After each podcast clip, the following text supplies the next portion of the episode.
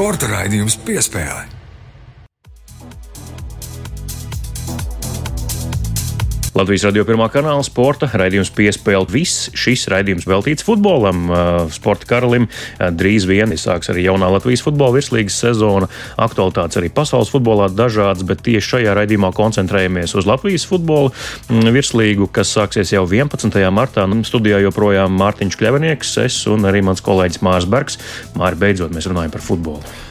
Jā, mēs jau aizkadrā pirms brīža runājām, ka gads arī ir. Gada sākums ir paskrējis ļoti ātri. Tikko likās jaunais gads, tad pirmie divi gada mēneši pagāja gatavojoties Olimpiskajām spēlēm, un tad pašas Ziemas Olimpiskās spēles. Un tagad jau vienkārši uz sitienu jau klāt ir marts. Būtībā mums ir jārunā par futbolu, jo, kā jau teici, nākamajā piekdienā sāksies jaunā virslīgas sezona. Tāpēc mums studijā šodien ir divi viesi, kuri ļoti labi pārzina futbolu. Divi no Latvijas vadošajiem eh, futbola apskatniekiem pie mums ir ieradušies Edmunds Novickis un Arkādijs Birjoks. Sveiki, kungi! Sveiki, sveiki, sveicināti! Sveiki, puiši! Tā tad laikam eh, divu eh, podkāstu veidīgu vai raidierakstu veidīgu raidījumu apvienošanās. Mēs piespēlējām arī ar jauno konceptu, esam tādi vairāk raidierakstiem draudzīgi un apmēram tādā formātā runājamies. Un jūs uh, abi futbola bumbu veidotāji arī tomēr līdzīgi, vai ne? Jā, briest, briest arī pirmssezonas podkāsts jau nedēļas uh, vidū droši vien būs pirms pirmās spēles. Parunāsim par katru no desmit komandām. Komandu vairāk, līdz ar to arī būs daudz vairāk jārunā un daudz vairāk arī jāraksta podkāstu. Bet tās uh, pirmās pirmssezonas domas tad mēs veltīsim jūsu klausītājiem. paldies, paldies par šo pagodinājumu. Jā, nu tā tad uh, Latvijas futbola virslīga 11. martā sāksies ar Liepājas un Supernovas spēli, bet uh, kopumā desmit klubi uh, šajā sezonā. Arkādija Edmunds katra no jums domas, kādas jūs par vai pret uh, tieši šobrīd, ka ir virslīgā desmit komandas? Vai varbūt jūs pārstāvat to viedokli, ka vajadzēja pakāpeniski palielināt komandu skaitu līdz desmit? Nu, labi, es varbūt sākšu. Es sen esmu teicis, ka uzskatu, ka tomēr mēs desmit komandu turnīram ilgtermiņā neesam gatavi. Šobrīd, attiecībā uz 2022. gadu, izskatās, ka visas komandas uh, nopietni strādā, visur ir treniņu process, visur ir saprotama apmēram kluba virziena stratēģija arī iespējas. Katrs klubs strādā savu iespēju robežās, nemēģina šaut, šaut pāri, pāri, pāri galvai. Ir kāds klubs, kas nāk klāt, kuram ir tās iespējas, attiecīgi tiek strādāts arī tādā nopietnākā līmenī. Bet nu, šo gadu esmu, par šo gadu esmu optimists un domāju, ka visas desmit komandas arī kā sāks, tā arī pabeigs uh, sezonu.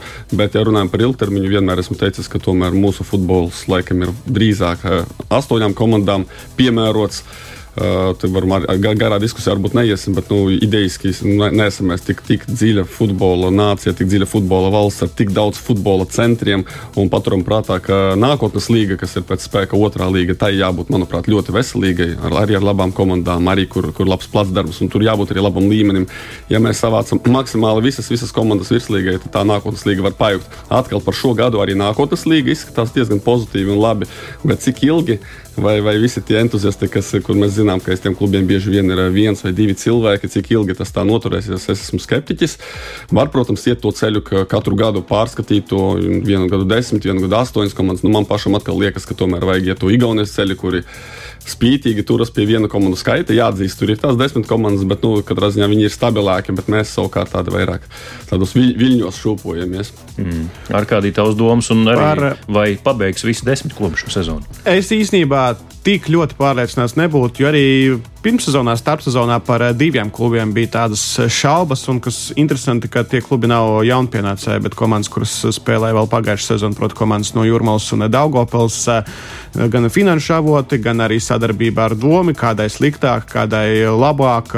Tur, tur jāskatās sezonas gaitā, protams, novēlu, bet par pakāpeniskumu īstenībā virslīga izplatīja relīzi pirms mēneša, ka pēc ilgāka pārtraukuma atkal spēlēs desmit komandas, bet īstenībā tas ir pēc pusotra gada pārtraukuma, jo arī 2020. 20. gadā mums bija desmit komandas virslīgā. Un eh, būtiskākais, kas ir tāds arguments šobrīd pret, ka mēs esam diezgan maz cilvēku futbolā un eh, desmit komandas 36 kārtas, kā tas viss ieliksies un cik daudz cilvēku spēs būt apkārt tām spēlēm. Tas arī būtiski. Varbūt nu, tas ir tāds vājāk mans arguments, emocionālais par astoņām komandām, kur ir astoņas komandas, 28 kārtas. Viss smuki izkaisīts, visi visam koncentrējas, visi saprot, kas ir kas tajā virsīgā. Jo desmit komandās tiešām šobrīd pat mēs starpsezonā sekojot, nu varam pazust. Mēs tur varam palaist garām kaut kādu pārēju, kaut kādu ziņu svarīgu. Kāds vienkārši var nepasniegt tās ziņas, jo nav kapacitātes arī klubiem strādāt tajā virzienā. Tas arī tāds uh, diskusijas vērts jautājums, desmit vai astoņas. Jo es vēl vēlos arī piekrist un pieslieties tam viedoklim par to mūsu kapacitāti. Arī tieši ne tikai runājot par naudu, budžetiem un virslīgas komandām, bet arī par cilvēkiem, kas ir apkārt. Jo labi, tas, ka mēs kaut ko palaidīsim garām, tas ir, tas ir sīkums, bet uh, būtiskāk ir tieši noturēt to kvalitatīvo līmeni. Jo mēs bieži dzirdam par Latvijas futbolu tādu atziņu, ka tas futbols, kas notiek laukumā, īstenībā ir diezgan labs, un tikai atliek to iepakot, ielikt tur rietumu kvalitātē, un tas jau izskatīsies pavisam citādi, un cilvēkiem patiks. Bet, nu, lūk, tad uh, palielinot uz to desmit komandu skaitu un, un, un ejot to masveidīgo ceļu, ir grūti to noturēt, to kvalitāti. Jo kād, kaut kur kaut kas ar translāciju notiks, kaut, kaut kur būs pārklases spēles, būs pieci skatītāji. Nu, no sēļa, ja? Es kaut kur spīdēs kamerā saule. Jā, jā, jā, visas šīs lietas. Ja ir, ja ir tas čempionāts kompaktāks, tad attiecīgi lielāka konkurence par iekļūšanu virslīgā, tās komandas būs visticamāk vidēji labākā līmenī, un arī organizatoriskās lietas tai skaitā varētu būt arī augstākā līmenī. Hmm. Domāju, mēs varam pievērsties arī pašām komandām un virslīgas dalībniecēm. Vairāk jaunpienācēji vienmēr ir jautājums, kāda būs šie jaunpienācēji, vai viņi nebūs stabils pastarīši, kas dāļās punktus stiprākajām komandām. Kā jūs skatāties uz šīs sezonas virslīgas jaunpienācējiem, cik šīs komandas spējas būt konkurētspējīgas, vismaz šobrīd raugoties uz papīra. Īstenībā tādam eh, vienkāršam skatītājam no malas uzreiz var ļoti eh, vienkāršu ieskatu iedot, un viss uzreiz būs skaidrs. Desmit komandas ir un visi, kas orientējas Latvijas futbolā, droši apgalvo, ka būs divi piecinieki, vadošais piecinieks un apakšējais piecinieks. Un runājot par tieši jaunpienācējiem, uh, tad divas no jaunpienācējām, kas ir Supernova un Tukums 2000, ar diezgan lielu pārliecību būs tie apakšējā pieciniekā, jo nemēģina lēkt pāri savai galvai, spēlēs ar saviem audzēkņiem, vietējiem puišiem. Un savukārt trešā jaunpienācēja, kas arī uzvarēja nākotnes līgu pagājušajā gadā, tā ir Auda. Nu, Kura tur tikusi tagad ir pie naudas maisa? Tikusi pie naudas maisa, bet starp citu, jā, tur arī jautājums, jo tur Krievu investors, kā viņi paši arī ziņoja, nu labi, tā atkal ir cita tēma, bet viņi, viņi tēmē, protams, uz to vadošo piecinieku un ļoti iespējams jau pirmajā gadā uz augstiem mērķiem.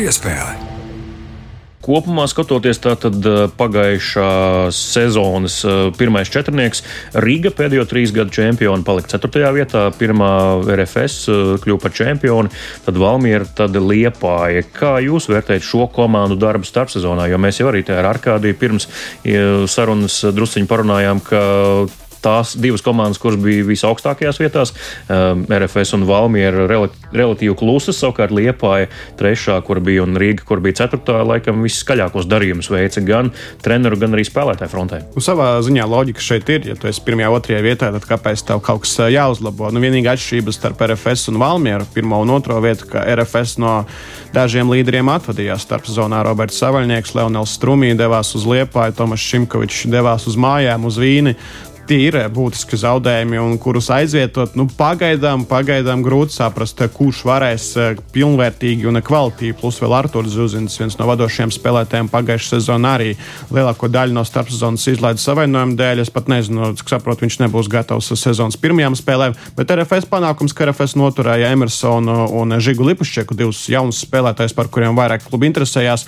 Līdzīgi arī par Valmieru, ka Valmiera visus gandrīz noturēja no pagājušā gada komandas ieskaitot Raimondu Krolli, par kuru pat īsti nebija dzirdēts, ka kāds nopietni interesējās un kādas nopietnas pārunas notiek.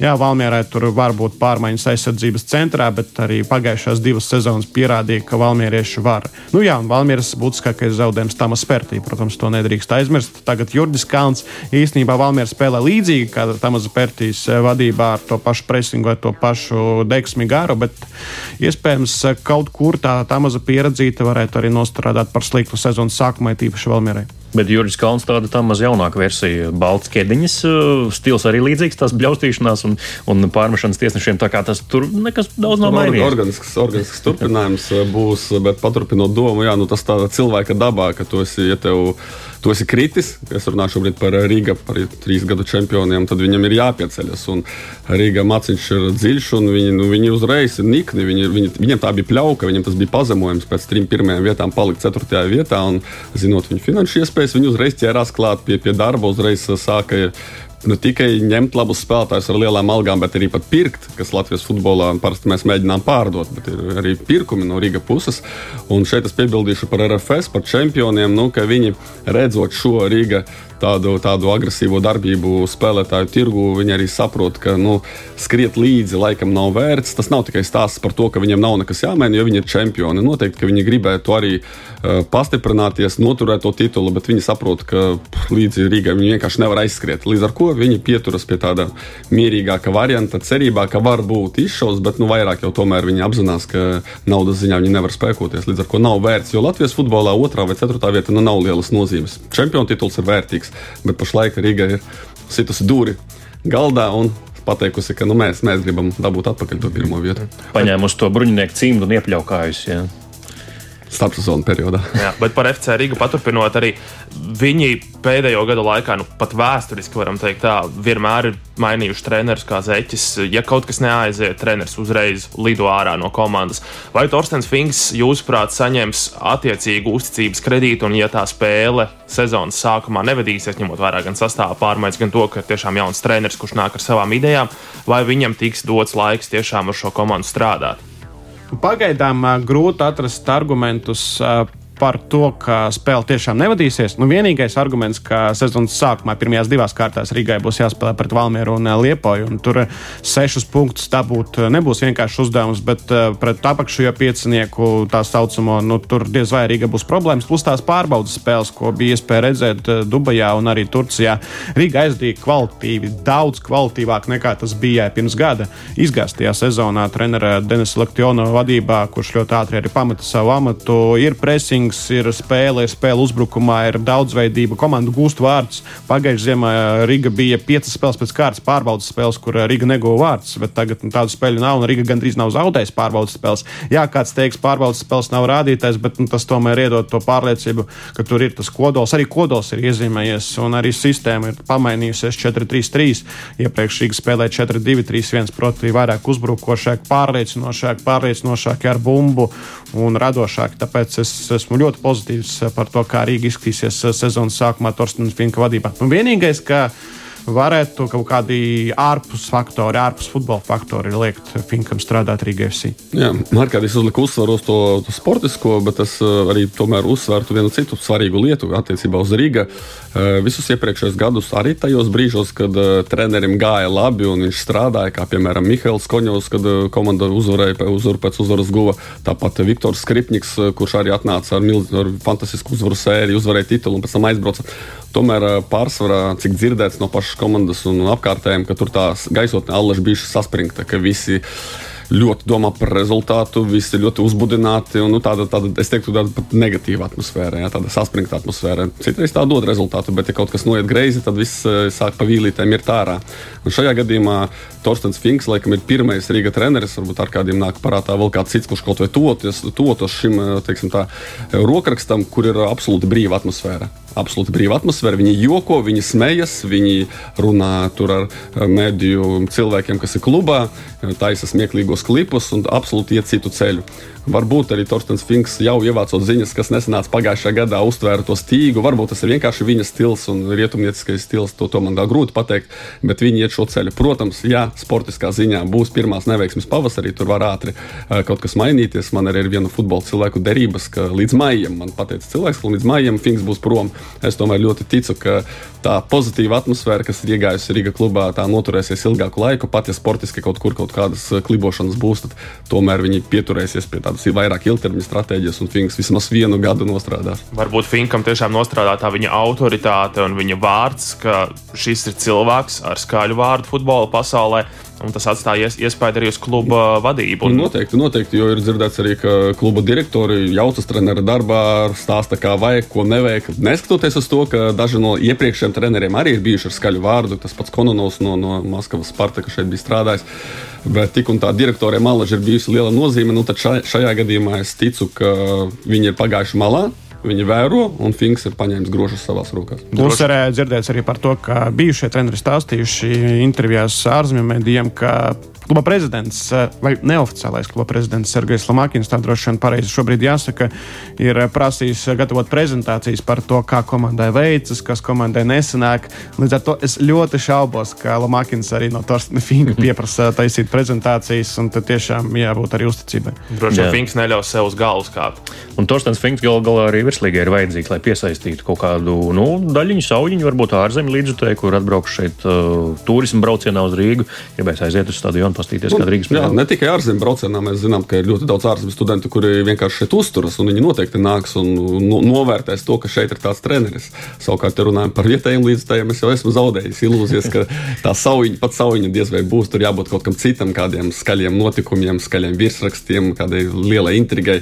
Tikai tāpēc, ka Torstens Finks būs uz uh, rezerves soli, ja diez vai tas kaut ko ietekmēs. Jā, no nu, acīm redzot, Latvijā to neitrālo līdzutēju uh, pamudina iet uz stadionu kaut kādi citi. Nu, tur, faktori. ļoti, tur ir ļoti augstas prasības. Jā. Pirmkārt, būtu spēlē jānotiek uh, siltumā, un tā tālāk. Un tā jābūt noteikti daliņiem, un tad varbūt Finksī būs interesants. Piespēle. Par pastrīšiem mēs jau drusku parunājām. Man interesē jūsu iekšējā informācija no, no, no aizkulisēm, kas ir zināms par Daugopilu, kādā nu, situācijā viņi ir šobrīd, kā viņiem ar naudu, kā ar nākotni, dzīvo no dienas uz dienu, no rokas mutē, kas, viņi, kas tur notiek šobrīd. Pats tāds foršākais, nu, foršākais pēdiņās, protams, bet citāds, kas daudz ko pasaka par Daugopeli, proti, Nauris Manskevičs stāstīja intervijā vēl vienam podkāstam, ka Andrejs Kaļiņins sacīs, ka no pirmssezonas ieplānotā pēc plāna treniņu dienas aizritēja trīs vai četras. Proti, vienmēr ir kaut kādi kaut kādi faktori, vai nu slikts laiks, vai nu celtnieka laukums nav sagatavots, vai nu tur jāpārplāno, tur domē, neatbalsta ne cik un tā tālāk. Nu, Daugopils ir tā komanda, kas spēlē virslīgā par spīti tam, kas notiek.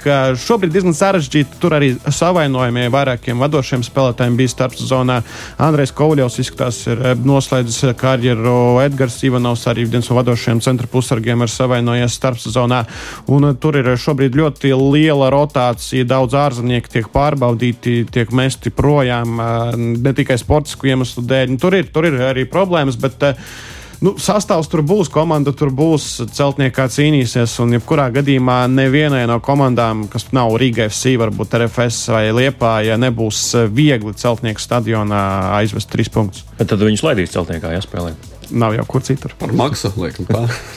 par lielu maksu. Jo, kur, kur, kur, saka, kur divi latvieši, tur trīs partijas, tad par Daugopelu tā, tā sporta vides pateikt, to teikt ļoti līdzīgi. Jā, um, nu, ja mēs tā lūkojamies kalendārā, tad uh, Edmunds minēja par derībām. Uh, varbūt kaut kādas derības vajadzētu noslēgt arī par uh, Svētdienas 13. marta spēli meta pret audu, vai būs kautiņš, vai kaut kādas nekārtības, vai kaut kādi sācinājumi, vai spriedzi tribīnēs. Starp, Tieši tribīnēs, nevis laukumā. Jā, starp Girtu Mihelsonu un varbūt Juri Gorkšu vai mm, starp kādu citu. Es ceru, ka tomēr uh, saglabās cilvēcīgumu. Visas emocijas ir vajadzīgas, bet laikam jau ne ārpus laukuma, bet lai labs, labs futbols būtu. Ja runājam tieši par futbolu, tad šobrīd jāsaka, ka komanda Meta, kas virslīgā ir bijusi nu, jau desmit gadus un sāks 11. sezonu virslīgā pēc kārtas, tomēr būs pastarīta pret virslīgas jaunpienācēju. Tā tālāk izklausās ļoti neparasti, bet tā patiešām ir. Auda, auda, cik skatos, arī jā, jauns sastāvs, jauna pieeja. Tas vienmēr uh, saistās ar risku, ka neizies kā, kā, kā smērēts pa sviestu. Bet, uh, ļoti daudz pārbaudas spēles komanda ir aizvadījusi, laikam, 10 vai 11, un uh, ir jau kaut ko noslīpējusi. Rezultāti ir mazi, kas liecina par to, ka Auda tomēr uzsvars uz aizsardzību. Tur divi spēcīgi arī centra aizsargi. Tur treneris Horvāts, centra aizsargi Horvāti, tur Horvātu tāda pieskaņa būs, un, un Auda būs favorīts pret Mērtu. Nu, bet kas attiecas uz tām attiecībām, tad, uh, nu, diemžēl, jāsaka, ka nu, man auda joprojām, lai viņi man piedod, vairāk asociējas ar projektu, nevis ar klubu. Klubu, protams, ka vēsturiski jā. Vecākais, bet ne šī auda, vai ne? Bet ne šī tieši komanda, līdz ar ko es domāju, tā principialitāte. Jā, varbūt būs ne, ne, tāda nervoza spēle tikai tāpēc, vien, ka ir gara ziema bijusi, ilga sagatavošanās, un tagad ies vaļā, un visi ir nocietušies pēc futbola tādā aspektā. Bet tur var jebkuras divas komandas no virslīgas saukt un, un šo pašu attiecināt uz pilnīgi jebkuru maču. Bet eh, sportiskajā viedokļa ziņā tā spēle diezgan saistoša tam dēļ, ka pavisam divas dažādas komandas met eh, visu starpsezonu bija kopā spēlē, saspēlēts sastāvs eh, Audai. Tomēr bija arī brīdis, kad leģionāri trenējās, pārbaudījās Dubajā. Kodols, kurš uzvarēja nākotnes līgā, bija Rīgā, pēc tam visi satikās Turcijā. Turcijā viņi daudz spēlēja spēļu, ko Edmunds minēja, bet maz tiešām trenējās, un tur ir problēmas ar fizisko. To jau varēja redzēt pārbaudas mačos, ka pēc 60 minūtes auda ļoti nosēžas, un tur nav maiņu, tur tas kodols ir spēlējis. Un, tas kodols tiešām pēc uzvārdiem, pēc kvalitātēm ir ļoti labs, bet fiziskais varētu būt vājš un arī saspēlētības līmenis. Tāpēc meta auda un auda spēles sezonas sākumā varētu būt ļoti uh, nelīdzvērtīgas. Un, uh, nu, tur var būt divi dažādi puslaiki bieži vien. Vispār mm. Latvijas futbolā pavasaris ir tā, tā, tā stadija, kad tie pārsteigumi mēdz būt vairāk. Pēc tam jau vasarā, kad tie atkal tie zaļie laukumi, tur jau tās, tās stiprās komandas parasti jau tomēr tos drošos trīs punktus vairāk paņem. Tur atceramies, pagājušā gada arī Valmiera sāka tur ar neizšķirtu pret Daugopili sezonas sākumā. Sezonas sākumā vēl komandas iepazīst vienu otru, ir iespēja jauniem spēlētājiem, kuri Latvijā nav redzēti, savus trumpjus labāk izmantot un parādīt. Pēc tam, kad visi visu zina, visi visus pazīst, tur jau tas, tas lielais spēks paņem to mazo. Mm. Jā, mēs ik, ik pa brīdim runājam par dažādām likmēm un derībām. Pagājušajā sezonā viss izšķīrās pēdējā kārtā, pēdējā dienā. Jūsuprāt, vai šogad būs kaut kas līdzīgs? No Arkādijas jau nosauc trīs komandas - Rīga, RFS un Liepāja. Kāds būs trīnieks šīs sezonas beigās? Varam tagad likmes likt. Man būtu jāpaņem pauze un jāpadomā. Es tikai uzreiz pateikšu, ka nu, Rīga izskatās vis, visjaudīgāk uz papīra, bet es ļoti, ļoti ticu un ne tikai ceru, bet arī ticu un domāju, ka tik vienkārši nebūs. Rīga, es prognozēju, tā būtu mana prognoze, ka neizies desmit punktu pārsvaru attālumā. Tāpat tas, tas top 5, par kuriem es runāju savā starpā, dalīs punktus, spēles būs līdzvērtīgas un, un, un nebūs tādas izteiktas dominances. Savukārt par trīnieku, nu, lai ar kādīs sāk, man tiešām ir jāpadomā, ja tas ir nopietns jautājums. Tas nav tā, ka man atbild uzreiz ir jau gatava. Mm. Tas, tas ir nopietns jautājums. Jā, protams, Valmiera arī jāliek klāt, jo pēc tādām avansētām futbola statistikas metrikām Valmiera bija labākā komanda pagājušā sezonā, un arī šajā starpsezonā Valmiera tiešām arī statistiski prata arī Kīvas dināmo sastādīt nopietnu konkurenci. Īpaši tās spēles pirmajā puslaikā izveidoja vairākas iespējas un spēlē Valmiera tiešām ļoti agresīvu, ļoti presingojošu futbolu, un ar to var iziet, bet eh, es pieļauju, ka tieši tam dēļ, ka ir 36 kārtas, tad uh, Valmiera Bruks un klubs uh, pret, arī pret Supernovu, pret Tukumu būs kāda spēle, kur Valmiera zaudēs punktus. Un tas tai komandai liekas uh, būt līdz galam cīņā par titulu, bet uh, es teikšu, ka Valmiera būs trīniekā, kas būs ārpus trīnieka no Liepāja, Rīga FC un RFS. Šobrīd tiešām raugoties sastāvā, raugoties arī uz latviešu spēlētāju sastāvu, liekas, ka RFS varētu būt tā komanda, kas piedzīvos kritienu un būs ārpus trīnieka. Bet skaidrs, te būs daudz variantu. Bet jā, šobrīd, ja man būtu jāsaka nedēļa pirms sezonas, skatoties uz sastāvu, skatoties uz pirmssezonu, tad uh, man prognoze būtu Riega Liepāja, Valmiera RFS četrnieka. Bet tāda lēciena kā pagājušā sezona Valmiera uzreiz uz otro vietu, sava, nu, tāda relatīvi jauna komanda virslīgā kaut kas tāds. Uh... Nu, Audi skaidrs, ka tur būs lēciens no nākotnes līgas mm. uz piekto vietu vismaz. Bet ne tik augstu, lai būtu kaut kur pie medaļām. Ja? Droši vien, ka nē. Lai gan būs brīdis, es pieņemu, ka būs brīdis, kad auga atradīsies uh, trīniekā, un tur teiks, o, oh, auga, auga, kas būs. Tas būs tiešām pārsteigums, varbūt kaut kāds likmes likt. Tiešām, tas būs sezonas pirmais mēnesis, vai tas jau varētu būt jau kaut kur jūnijā, jūlijā, jau kad nu, tā sezona būs uzņemta tiešām kārtīgs apgrieziens. Nu, es teikšu, līdz jūnijam uh, auga arī būs kaut kur tur blakus, un tur varēs skatīties. Varbūt būs kaut kāds pārceltās spēles, tur arī varēs tā rēķināt. Es domāju, ka maijā, maijā jau daudz kas būs skaidrs, jo tas kalendārs sezonas sākumā ir ļoti saspringts, bieži vien divas kārtas nedēļā. Runāt par manu trīnieku Rīga, Rīga noteikti. Par Valmieru savukārt par mūsu vicečempioniem tur vēl viens tāds būtisks aspekts. Jā, Tamas Spērtie, kā mēs te izrunājām, ir aizgājis prom. Viņu jāsaka līderis, komandas līderis, lai gan ir trenera ādā. Bet ir runas, ka viņš pavisam tuvā laikā, vasarā tas ir vēlākais, varbūt pavasarī, pārceļas uz citu valsti, sāk strādāt par galveno treneri citā, citā, citā valstī un ļoti iespējams viņš paņems dažus Valmieras līderus Raimondu Krolli priekšgalā. Jo, cik noprotams, tad uh, Tamas Spērte ies uz klubu, kur, kuru iegādāsies tas pats arī Valmieras uh, prezidents, šī brīža Valmieras īpašnieks. Tas ir tāds būtisks jautājums, kā Valmiera izskatīsies pēc šīm pārmaiņām, vai tur netiks tas sastāvs paplucināts. Bet, ja mēs runājam par to, kā tas izskatās šobrīd, un es uz brīdiņu tomēr pieņemšu, ka Valmiera paliek šī brīža veidolā un nepamet līderi komandu, tad es tomēr Valmieru arī lieku tāpat kā Arkādijas trīniekā. Savukārt trešā komanda gan gan man nebūs, nebūs liepā, ja tur arī Tomēr es neredzu tur tādu ilgtermiņa darbu, tādu stabilitāti. Plus tagad vēl stāsts par to, ka viņa Baltkrievijas treneris nezinu, vai varēs palikt strādāt vai nē. Plus viņi vēl pirms tam jau bija zaudējuši treneri jau starpsezonu periodā. Nu, Liepā arī tās turbulences eh, regulāras notiek, tā kā es vairāk tomēr sliecos domāt par RFS, kas ir tāds stabilā, stabilāka vērtība. Plus RFS ir jāspēlē Čempionu līgā, pēc tam ir labas iespējas aizcīnīties arī grupu turnīrā uz caur kādu citu Eiropas turnīru. Un, cik zinu, tad kluba vadība arī ļoti nopietni domā par vasaru vasaru un skatīsies, kā viņiem ies, un noteikti pastiprināsies. Tur nav jautājumu. Tā kā vasarā RFS varētu uzņemt tempu. Jā, nu tāda lūk saruna par futbolu ar Edmundu Novicki un Arkādiju Birjuku. Vēl pirms mēs finišējam pavisam, pavisam īsi, kungi, jūs domas par šī brīža ģeopolitiskiem notikumiem pasaulē. Ne tieši par notikumiem, bet kāds varētu ietekmēt futbolu virslīgu sankcijas. Daudz krievu naudas tomēr Latvijas virslīgā, tāpat ir Rīga auda.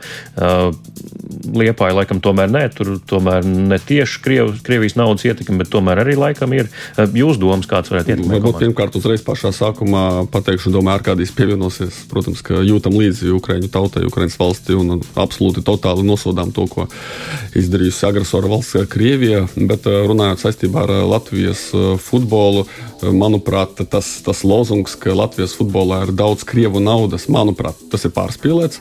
Labi, būšu godīgs, es neesmu redzējis klubu kontus, pārskaitījumus un tam līdzīgi, bet nu, no manā rīcībā esošās informācijas, tad jā, Rīga un Nauda ir tās divas komandas, kur ir krievu investori. Ja mēs skatāmies tādā plāksnē, vai tagad viņiem neapstāsies biznesa, es uzskatu, ka pat ja apstāsies biznesa šiem konkrēti īpašniekiem, ir diezgan atkal jāskat dziļas kabatas, un viņi varēs turpināt atbalstīt komandu, ja viņi pēkšņi nav sankcijas un vienkārši viņas neizraida. Tā, tā jau nav mana kompetence, tik dziļi es ne, nepārzinu. Bet par pārējām komandām runājot, nu labi, Valmieras eh, īpašnieks, cik dzirdēts, ir strādājis Krievijā, bet viņš nav Krievijas pilsonis. Un, un, vairs, un tas arī viss. Vairs tālāk es nezinu nevienu klubu. Man, man, man liekas, man personīgi liekas, tas vairāk tāds kā stereotips no iepriekšējiem gadiem. Arī par to, ka vispār futbols ir krievisks. Tagad mm. paskatāmies, tur nedalīsim nācijās, bet paskatieties, cik daudz latviešu puiku spēlē futbols ir mainījies gadiem ejot, un viņš ir pietiekami latvisks, un arī par to naudu nu, ir arī vietēji uzņēmēji, ir liepājas uzņēmēji. Nu, es, es neredzu tik dramatisku situāciju un tik lielu sasaisti ar Krieviju, kā daži runā. Es ceru, ka es nekļūdos. Protams, pievienojos Edmundam saistībā par agresoru valsts nosodījumu un par Latvijas futbolu. Nu, te jāsaka, tiešām 2014, 15 gads, arī 17. tur daudz vairāk bija krievu naudas un krievu aģentu ietekme, un arī daudz vairāk Krievijas pilsoņu. Krievijas futbola aģentu šeit liekam. Jā, jā, tieši tā. Pat uz konto, uz kon, uz konto pēdējos gados bija jā, arī aģentūra, krievu aģentūra, kā viens no sponsoriem, un pat uz krekla bija šis logo, bet tagad arī kopumā paskatāmies geogrāfiju Krieviju un eh, Krievu futbolistu gandrīz nav. Ja ir, tad tie ir jaunieši, kuri ir izīrēti, un nezinu, vai arī tie jaunieši spēlēs tur, piemēram, spēlētājs ar uzvārdu Galkins, RFS. Eh, nu, tas neizskatās pēc pirmās komandas spēlētāja, šobrīd pēc pamatrotācijas spēlētāja. Bet eh, ne par to stāsts. Nu, arī Jurmālas Spartaka situācija tāda, kur Marko Trabuki un arī Spartaks ir izīrējis vairākus spēlētājus Krievijas klubiem. Vismaz divi ir, plus vēl tur kaut kā cieši, necieši, vēl dažus plāno kaut kam izīrēt Spartaks, ko darīs. Varbūt pat tie spēlētāji, kuri šobrīd ir Krievijā, viens pat Krievijas Premjerlīgā spēlē Nižņī Novgorodas sastāvā, varbūt viņi atgriezīsies Latvijā līdz ar to, jo šobrīd ir tā, ka no Krievijas spēlētāji brauc brīdī, kad mēs rakstām raidījumu ap 40 spēlētājiem, plus ļoti daudz treneri ir jau pametuši un lauzuši līgumus ar Krievijas Premjerlīgas klubiem. Tāpēc iespējams būs arī tā, ka Latvijā pēdējā brīdī parādīsies kaut kādi leģionāri, ārzemnieki, ne Krievijas spēlētāji, bet tieši spēlētāji, kuri vēl nesen spēlēja mūsu kaimiņu valstī. Jā, es to arī gribēju teikt. Nu, varbūt tie, kuri būtu braukuši piemēram par lielāku naudu, piemēram, nu, uz Minskas Dienāmo vai, vai kādu citu Baltkrievijas klubu, piemēram, tagad izvēlēsies Latviju šajā gadījumā. Arī tas viennozīmīgi, tas, skaidrs, ka ne tikai šogad, tas arī pēdējos gados notiek, jo Latvijas futbola virslīga ir audzējusi savu reputāciju. Gan tas ir, tas ir viens, un, un runājot par to ģeopolitisko situāciju, mēs taču zinām arī, ka Baltkrievijā tie notikumi sākās vēl iepriekš ar, ar Baltkrievu diktatoru rīcību, un līdz ar ko arī no turienes plūsma nāca uz Latviju. Tāpat arī Ukraina. Ukrainā jau 14. gadā Ukraina cieta pamatīgi, un, un, un tas futbols viņiem finansiālā ziņā arī kļuva vājāks. Mēs esam pēdējos gados diezgan lielu pieplūdumu redzējuši Tātad no šīm valstīm. Ukraina, Baltkrievija, katra ir savs stāsts, bet, bet situācija ir tāda, ka mēs esam stabilāki. Mums ir klubi, kas strādā profesionāli, kas ir gatavi maksāt algas, un šie futbolisti no Austrum Eiropas labprāt brauc uz šejieni. Tikai piebildīšu, ka ir arī uh, pāris Baltkrievu futbolisti, arī tas pats pieminētais Baltkrievu treneris Liepājā, kuri šobrīd nevar justies droši, ka viņi šeit Latvijā varēs palikt, jo ir rekomendācija nealgot Baltkrievijas spēlētājus trenerus, bet atkal tādai piebildēji, ko mēs arī esam runājuši publiskā vidē cit, citur, ka tomēr būtu, manuprāt, jāšķiro, jāskatās, jo ja Baltkrievijas futbols ir aizmucis no Lukašenko režīma ir publiska, kas ir publiski rakstīts, citēts, publiski kritizējis šo režīmu vai aizstāvējis kādu tur politiski ieslodzīto Baltkrievijā, un tāpēc viņš ir izspiests no Baltkrievijas. Tagad mēs viņu dzenam ārā atkal tālāk prom no Latvijas. Un visu cieņu šie Baltkrievu puiši arī tagad pēd, pēdējās dienās ir izteikušies medijos. Viņi teikuši, ka jā, mēs esam gatavi vīrišķīgi pieņemt, ja Latvija tādu lēmumu pieņems, mēs esam gatavi vīrišķīgi to pieņemt, un mums ir jāatbild par savas valsts vadītāja rīcību, lai gan viņi paši ir totāli pret to. Bet es īstenībā ticu šobrīd arī redzot, kas notiek ar uh, citām federācijām, ka paliks, paliks tie spēlētāji. To nav daudz. Uh, iespējams, arī pēdējā brīdī kāds parādīsies vēl, bet uh, tiešām, ja cilvēks ir, nav gaidīts savā dzimtenē, tad mēs esam gatavi viņam palīdzēt. Jā, tāda lūk saruna par futbolu. Raidījumā piespēlē. Raidījuma futbola bumbas vadītāja Edmunds Novickis un Arkādijs Birjuks ciemojās šodien Latvijas radio studijā. Mēs ar Māri arī šeit pat bijām. Paldies, kungi, par sarunu! Paldies jums! Paldies!